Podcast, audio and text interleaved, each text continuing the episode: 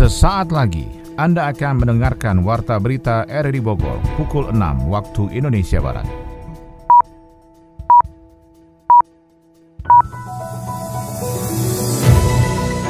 Selamat pagi dan salam jumpa. Kami kembali hadir dalam Warta Berita pagi ini Sabtu 23 Desember 2023. Siaran ini juga dapat Anda dengarkan melalui audio streaming RRI Digital pada perangkat Android Anda serta dapat Anda dengarkan kembali melalui podcast kami di Spotify, Anchor, Potel, dan juga Google Podcast. Berikut kami sampaikan berita utama. Wali Kota Bima Arya dan Wakil Wali Kota Dedi Rahim akan meneruskan masa jabatan hingga April 2024. Satlantas Polres Bogor memberlakukan lalu lintas ganjil genap di Jalan Raya Puncak Bogor, Jawa Barat. Belasan perempuan diamankan Pol PP Kabupaten Bogor disinyalir melakukan aktivitas prostitusi di rumah kontrakan. Bersama saya Ermel Bekata, inilah Warta Berita RRI Bogor selengkapnya.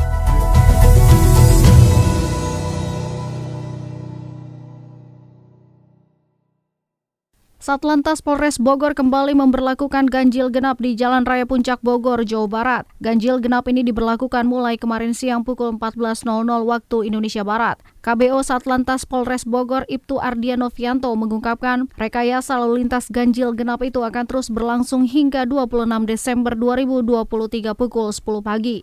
Dengan akan diterapkannya ganjil genap di Jalan Raya Puncak Bogor, Ibtu Ardianovianto menghimbau kepada para pengendara untuk bisa memperhatikan waktu pemberangkatan sesuai dengan nomor polisi kendaraan yang digunakan. Bagi pengendara dengan plat nomor tidak sesuai peraturan ganjil genap, tidak akan dikenakan tilang namun akan diminta untuk putar balik. Selain itu, Polres Bogor juga akan memperlakukan malam tanpa kendaraan di jalur wisata puncak pada malam tahun baru.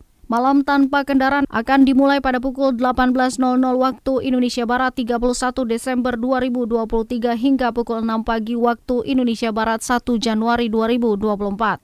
Sementara itu untuk mengurangi resiko kecelakaan di jalan raya, tim gabungan melakukan pemeriksaan kelayakan kendaraan angkutan barang dan orang di res area tol Ciawi Bogor, Jawa Barat.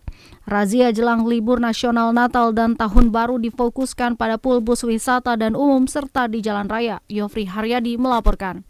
Untuk mengurangi resiko kecelakaan di jalan raya, Dinas Perhubungan, Satlantas Polres Bogor dan Badan Narkotika Nasional BNN Kabupaten Bogor melakukan pemeriksaan gabungan kelaikan kendaraan angkutan barang dan orang di res area tol Ciawi Bogor. Sebanyak 25 lebih armada terdiri dari truk angkutan barang, bus wisata dan angkutan umum di stop petugas. Diperiksa kondisi fisik kendaraan termasuk sopir armada dicek urin oleh petugas BNN. Kepala Dinas Perhubungan Kabupaten Bogor Agus Rido menjelaskan razia tersebut dilakukan jelang libur nasional Natal dan Tahun Baru yang difokuskan pada pool bus wisata dan kendaraan umum serta di jalan raya. Dalam operasi yang dilakukan Jumat pagi itu pun petugas memastikan armada bus atau truk niaga yang diperiksa dalam keadaan layak jalan. Memang dalam rangka persiapan Natal dan Tahun Baru yang menjadi kewajiban kita untuk melakukan pengecekan terhadap uh, kendaraan khususnya yang menuju kawasan puncak. Kegiatan yang pertama ada di pool bus yang ada di wilayah Kabupaten Bogor, kemudian ada yang dilakukan di jalan.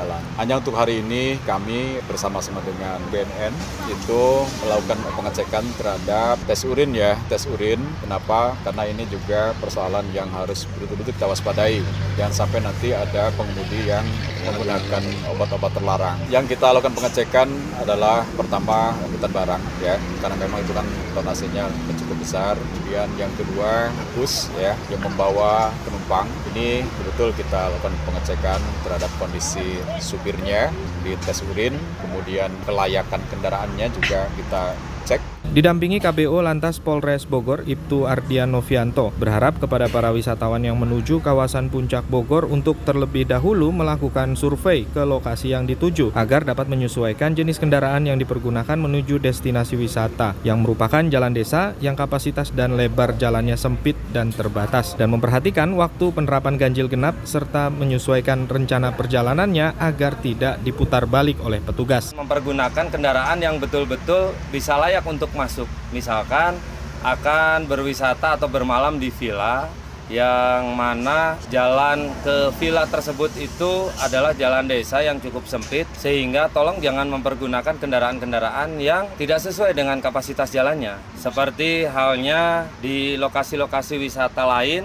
di kawasan puncak cukup banyak sehingga mohon bagi para wisatawan yang berkunjung ke kawasan wisata puncak dicek betul mungkin ada tim datang lebih awal untuk survei lokasinya sehingga dapat memutuskan kendaraan apa yang digunakan untuk mencapai tujuan lokasi. Terkait pengaturan lalu lintas di jalur puncak Bogor, KBO Lantas Polres Bogor Ibtu Ardian Novianto memprediksi puncak kepadatan terjadi pada malam libur Natal 24 Desember nanti. Petugas akan memperlakukan one way pada 23 Desember hingga 26 Desember. Penerapan ganjil genap akan tetap dilakukan sesuai peraturan Menteri Perhubungan nomor 84 tahun 2021 pada plat nomor kendaraan pada pukul 14.00 di jalur puncak Bogor. Kecelakaan lalu lintas melibatkan sepeda motor dan truk terjadi di kawasan Kelapa Nunggal, Kabupaten Bogor, Jawa Barat kemarin. Pengendara motor meninggal dunia akibat kecelakaan tersebut. Kanit Gakum Satlantas Polres Bogor Ibda Angga Nugraham mengungkapkan korban meninggal dunia penumpang sepeda motor Yamaha Mionopol B3140 PBW. Kecelakaan terjadi diduga korban menghindari kendaraan yang berhenti mendadak di depannya. Korban bersama sepeda motornya terjatuh ke kanan bertepatan melintasnya truk dari arah sebaliknya. Korban pun terlindas dan dinyatakan meninggal dunia di lokasi kejadian. Korban dibawa ke Rumah Sakit MH Tamrin Cilengsi. Beralih ke informasi lainnya, Komite Nasional Pemuda Indonesia KNPI Kota Bogor mengingatkan Wali Kota Bogor Bima Arya dan Wakil Wali Kota Dedi Rahim bisa menepati janji politik setelah adanya putusan judicial review yang mengembalikan masa jabatan hingga April 2024. Sonia Gung Saputra melaporkan.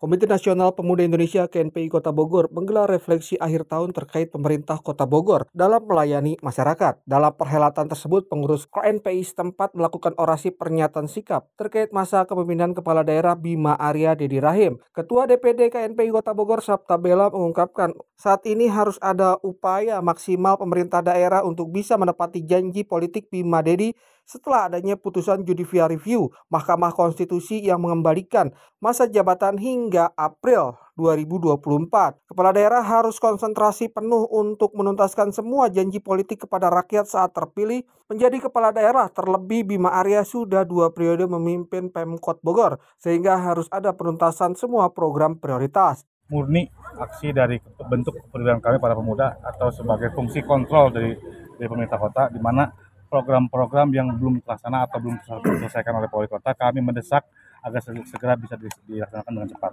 E, mengingat kemarin juga sudah putusan MK, berarti masih ada waktu untuk wali kota dan wakil wali kota menyelesaikan permasalahan di Kota Bogor ini, menuntaskan problem-problem problem dari Kota Bogor ini, dan mengevaluasi kadis-kadis yang tidak becus dalam bekerja, e, menuntaskan program-program yang sebetulnya program itu program baik atau unggulan dari dari dari uh, wali kota yang seharusnya bisa juga dituntaskan atau bisa dilaksanakan dengan baik uh, oleh para uh, bawahannya.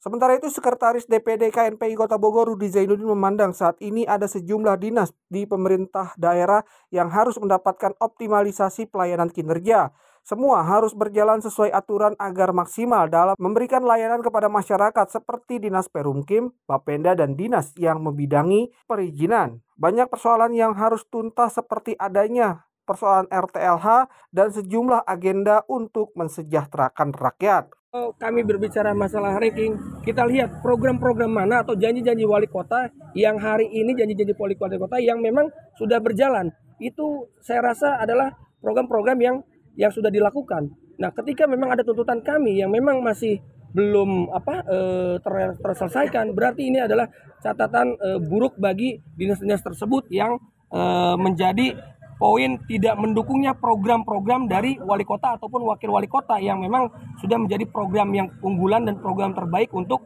masyarakat Kota Bogor. Begitu Dinas apa saja? Bisa disebutkan yang diplom untuk? Seluruh.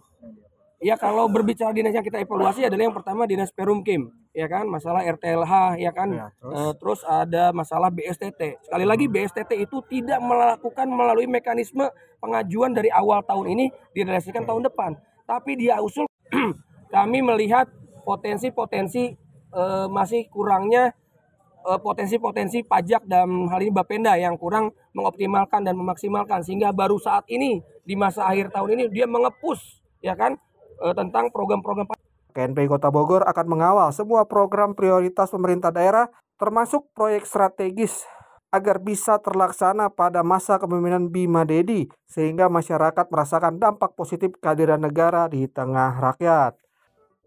Ketika anakku diejek, mereka bilang itu hanya candaan. Ketika anakku menangis, mereka bilang bermental lemah. Sampai akhirnya kata-kata dan perbuatan mereka merenggut kewarasan dan jiwa anakku. Mereka meminta penyelesaian dengan jalan damai secara kekeluargaan. Gusti. Budaya perundungan sering kali dianggap suatu kelaziman. Ketika anak-anak berbuat kesalahan, orang dewasa melakukan pembenaran yang menjadikan perundungan seperti lingkaran tidak berkesudahan. Orang tua punya peran berhenti memaklumi keburukan perilaku anak, karena perundungan seharusnya tidak terjadi kepada siapa pun dan dalam kondisi apa pun juga. Iklan layanan masyarakat ini disampaikan Radio Republik Indonesia. Anda tengah mendengarkan Warta Berita RRI Bogor. Sedikitnya 11 orang perempuan diamankan Pol PP Kabupaten Bogor disinyalir melakukan aktivitas prostitusi di rumah kontrakan yang berlokasi di Nanggewer, Kecamatan Cibinong. Laporan selengkapnya oleh Yofri Haryadi.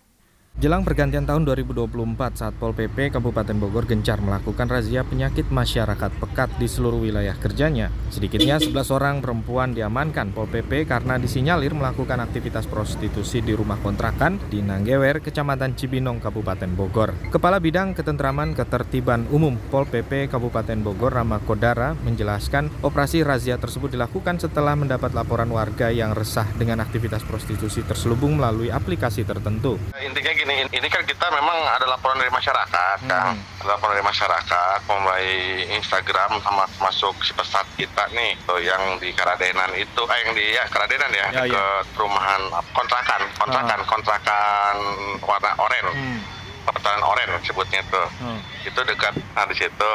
Nah di situ teh ternyata kita coba sore saya perintahkan anggota kasih obsek ke sana. Nah kita menyamar anggota yang pakai baju bebas lima orang biar pas ternyata ada sinyal masuk betul sinyal hmm. micet itu. Nah, akhirnya anggota itu menawar janji akhirnya masuk ke dalam tuh.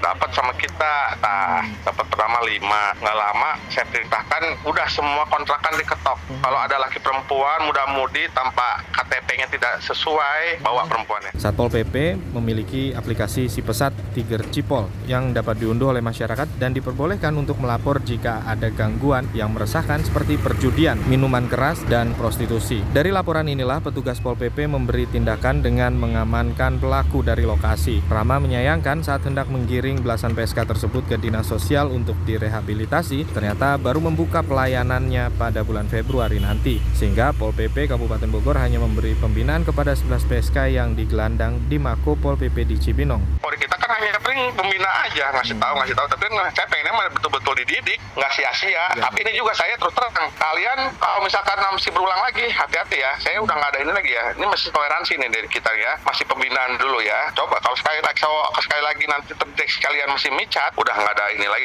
kesempatan lagi. Sekali buat pernyataan. Datang ke kantor, ngasih bujangan oke. Tapi sama saya sarankan, Pak RT, Pak RW, ini pemilik kontrakannya kasih tahu juga. Mas saya tuh jangan ini gitu apa pura-pura nggak tahu apa tahu gitu. Tolong kasih tahu. Saat razia dilakukan satu orang germo mengalami patah pada kakinya saat hendak melarikan diri dengan melompat dari lantai dua bangunan kontrakan. Dan diketahui juga ada sindikat tertentu yang menjalankan operasi tersebut yang kini menjadi pendalaman oleh aparat penegak hukum Kabupaten Bogor. Razia serupa juga digiatkan di 40 wilayah Pol PP kecamatan se-Kabupaten Bogor Pemerintah Kota Bogor mendapatkan penghargaan kota layak HAM dari Kementerian Hukum dan HAM. Laporan selengkapnya oleh Sonia Gung Saputra.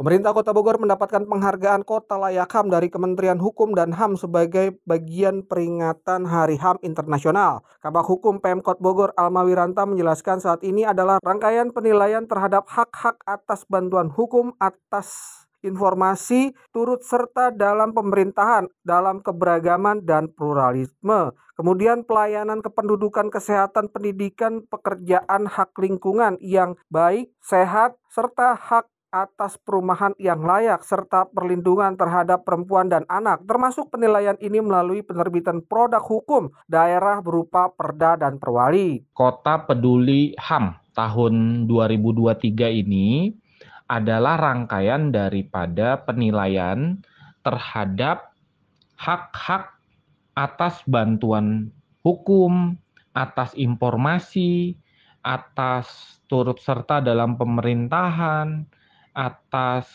keberagaman dan pluralisme, atas pelayanan kependudukan, kesehatan, pendidikan, pekerjaan, hak lingkungan yang baik, yang sehat, serta hak atas perumahan yang layak, serta perlindungan terhadap perempuan dan anak. Dan parameter penilaian ini melalui penerbitan produk hukum daerah berupa perda dan perwali. Kemudian implementasi dari aksi uh, HAM yang dilaksanakan oleh pemerintah Implementasi dari aksi HAM yang dilaksanakan oleh pemerintah bersama seluruh elemen di Kota Bogor dengan seluruh lapisan masyarakat baik unsur-unsurnya yang terprofesi atau terkait dengan instansi vertikal. Juga beberapa tokoh agama, tokoh masyarakat yang menjadi penilaian Kemenkumham. Kriteria peduli HAM ini telah diberikan sebagai wujud bahwa Kota Bogor layak untuk tempat unik yang sesuai dengan regulasi yang banyak menerapkan pelayanan-pelayanan dalam melindungi kelompok masyarakat dalam pembangunan. Unsur-unsurnya yang profesi atau terkait dengan instansi vertikal juga baru tokoh agama, tokoh masyarakat itu menjadi penilaian tersendiri sehingga kriteria peduli HAM ini yang telah diberikan adalah wujud bahwa kota yang uh, layak untuk tempat huni yang sesuai dengan regulasi yang banyak menerapkan pelayanan-pelayanan untuk melindungi kelompok uh, masyarakat di dalam melaksanakan kegiatan-kegiatan yang mendukung pembangunan itu yang menjadi uh, parameter penilaian dan hasil penilaian ini uh, tentunya secara objektif semua yang menjadi parameter penilaian itu tentu secara objektif dinilai oleh Kemenkumham melalui Dirjen Hak Asasi Manusia sehingga Kota Bogor sudah layak untuk mendapatkan penghargaan predikat sebagai kota peduli hak asasi manusia. Warta Ekonomi Perum Bulog menandatangani kontrak impor beras sebesar 1 juta ton dari India. Asosiasi Pengusaha Indonesia menemukan lima daerah yang tidak patuhi aturan upah minimum provinsi. Warta ekonomi selengkapnya disampaikan oleh Adi Fajar Nugraha. Asosiasi Pengusaha Indonesia APindo menemukan ada lima daerah yang tidak patuhi aturan upah minimum provinsi atau UMP. Hal ini sejalan dengan tahun politik sehingga banyak dimanfaatkan kepala daerah. Adapun ketentuan UMP saat ini tertuang dalam peraturan pemerintah nomor 51 tahun 2023 tentang perubahan atas peraturan pemerintah nomor 36 tahun 2021 tentang pengupahan. Kelima wilayah tersebut adalah Jawa Tengah, Jawa Timur, Daerah Istimewa Yogyakarta, Provinsi Lampung, dan Maluku Utara. Wakil Ketua Bidang Ketenagakerjaan APindo, Darwoto menyebut penetapan UMP 2024 itu hasil rumus hitung yang ditetapkan oleh pemerintah. Ia menyebutkan tidak semua kabupaten dan kota di provinsi tersebut melanggar aturan, masih ada beberapa yang mengikuti meskipun kebanyakan tak sesuai. Ia mengatakan telah melakukan evaluasi dan meminta Menteri Ketenagakerjaan untuk bersurat kepada gubernur. Menurutnya rumus hitung UMP dalam PP pengupahan Presiden Jokowi sudah sesuai dengan perhitungan pengeluaran pokok masyarakat. Presiden Jokowi menuturkan pemerintah melalui Perum Bulog telah menandatangani kontrak impor beras sebesar 1 juta ton dari India. Hal tersebut diungkapkan Presiden Jokowi dalam acara Seminar Nasional Outlook Perekonomian Indonesia di Jakarta pada Jumat 22 Desember 2023. Selain itu Jokowi juga bercerita dirinya berhasil mengamankan impor beras dari Thailand sebanyak 2 juta ton. Kesepakatan impor beras Thailand ini dicapai saat pertemuan dengan Perdana Menteri Thailand Sreta Tavisin di KTT ASEAN Jepang pada akhir pekan lalu. Jokowi menjelaskan upaya impor beras beras dari India dan Thailand ini ditempuh untuk mengamankan cadangan strategis ketahanan pangan di tanah air. Terlebih menjelang Nataru saat ini, pemerintah harus memastikan seluruh stok pangan di gudang Bulog dalam kondisi yang aman sehingga potensi gejolak kenaikan harga dapat diminimalisir dengan cadangan pangan pemerintah.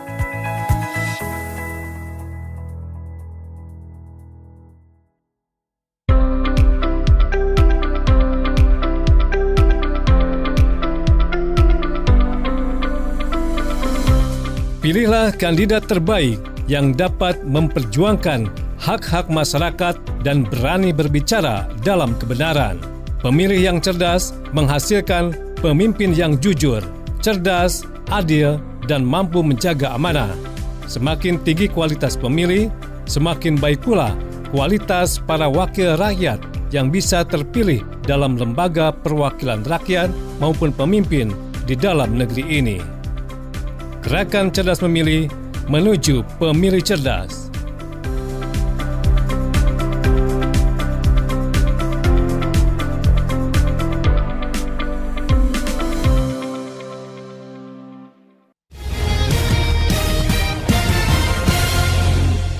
Berita olahraga.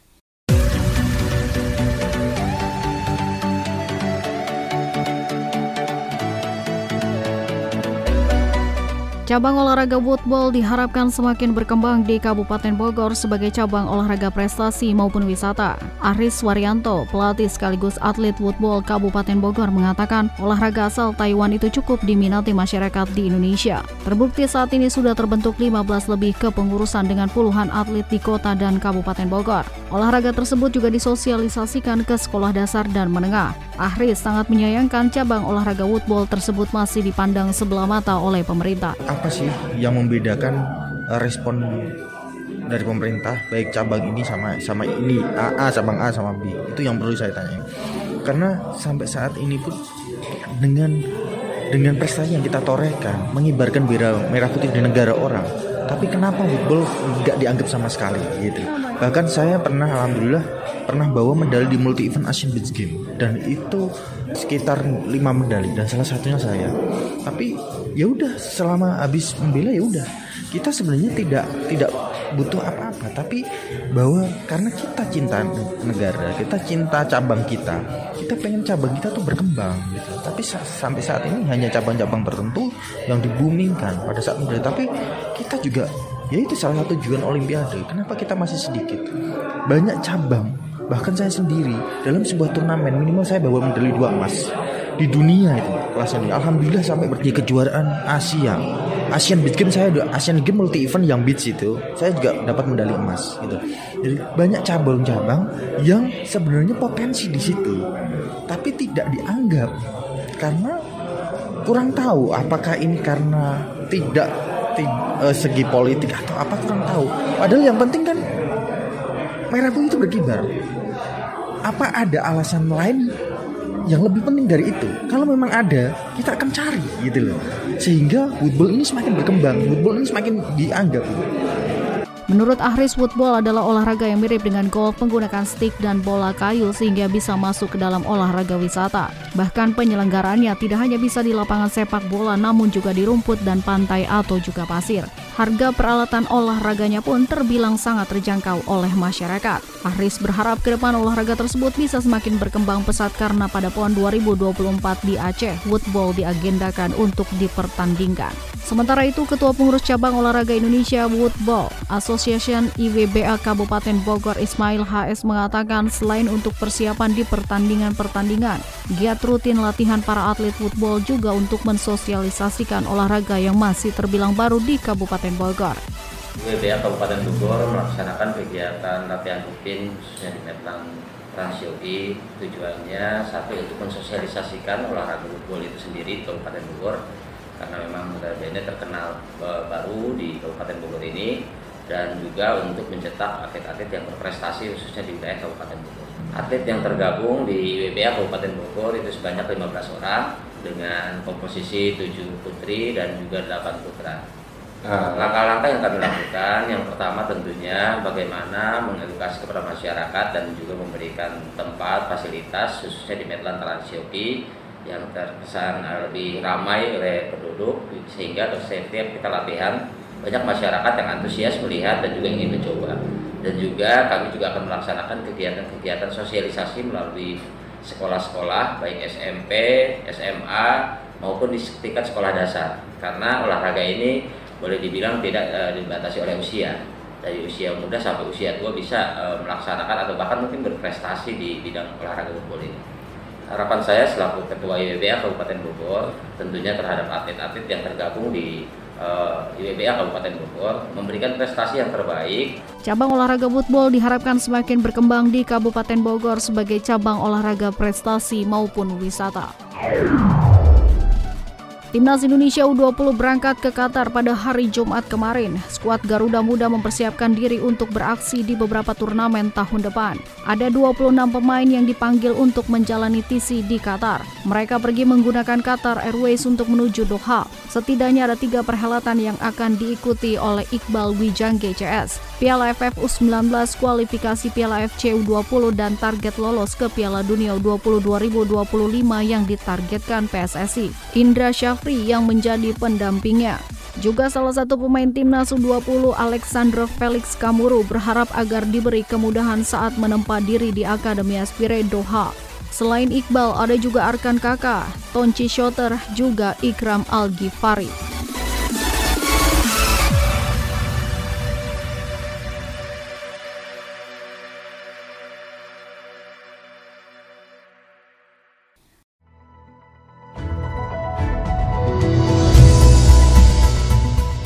Demikian informasi yang dapat kami sampaikan dan berikut kembali kami sampaikan berita utama hari ini. Wali Kota Bogor Bima Arya dan Wakil Wali Kota Dedi Rahim akan meneruskan masa jabatan hingga April 2024. Satlantas Polres Bogor memberlakukan lalu lintas ganjil genap di Jalan Raya Puncak Bogor, Jawa Barat. Belasan perempuan diamankan Pol PP Kabupaten Bogor disinyalir melakukan aktivitas prostitusi di rumah kontrakan. Saudara siaran ini dapat Anda dengarkan kembali melalui podcast kami di Spotify, Anchor, Potel, dan juga Google Podcast. Mewakili kerabat kerja yang bertugas hari ini, saya Armel Bekata mengucapkan terima kasih dan selamat pagi.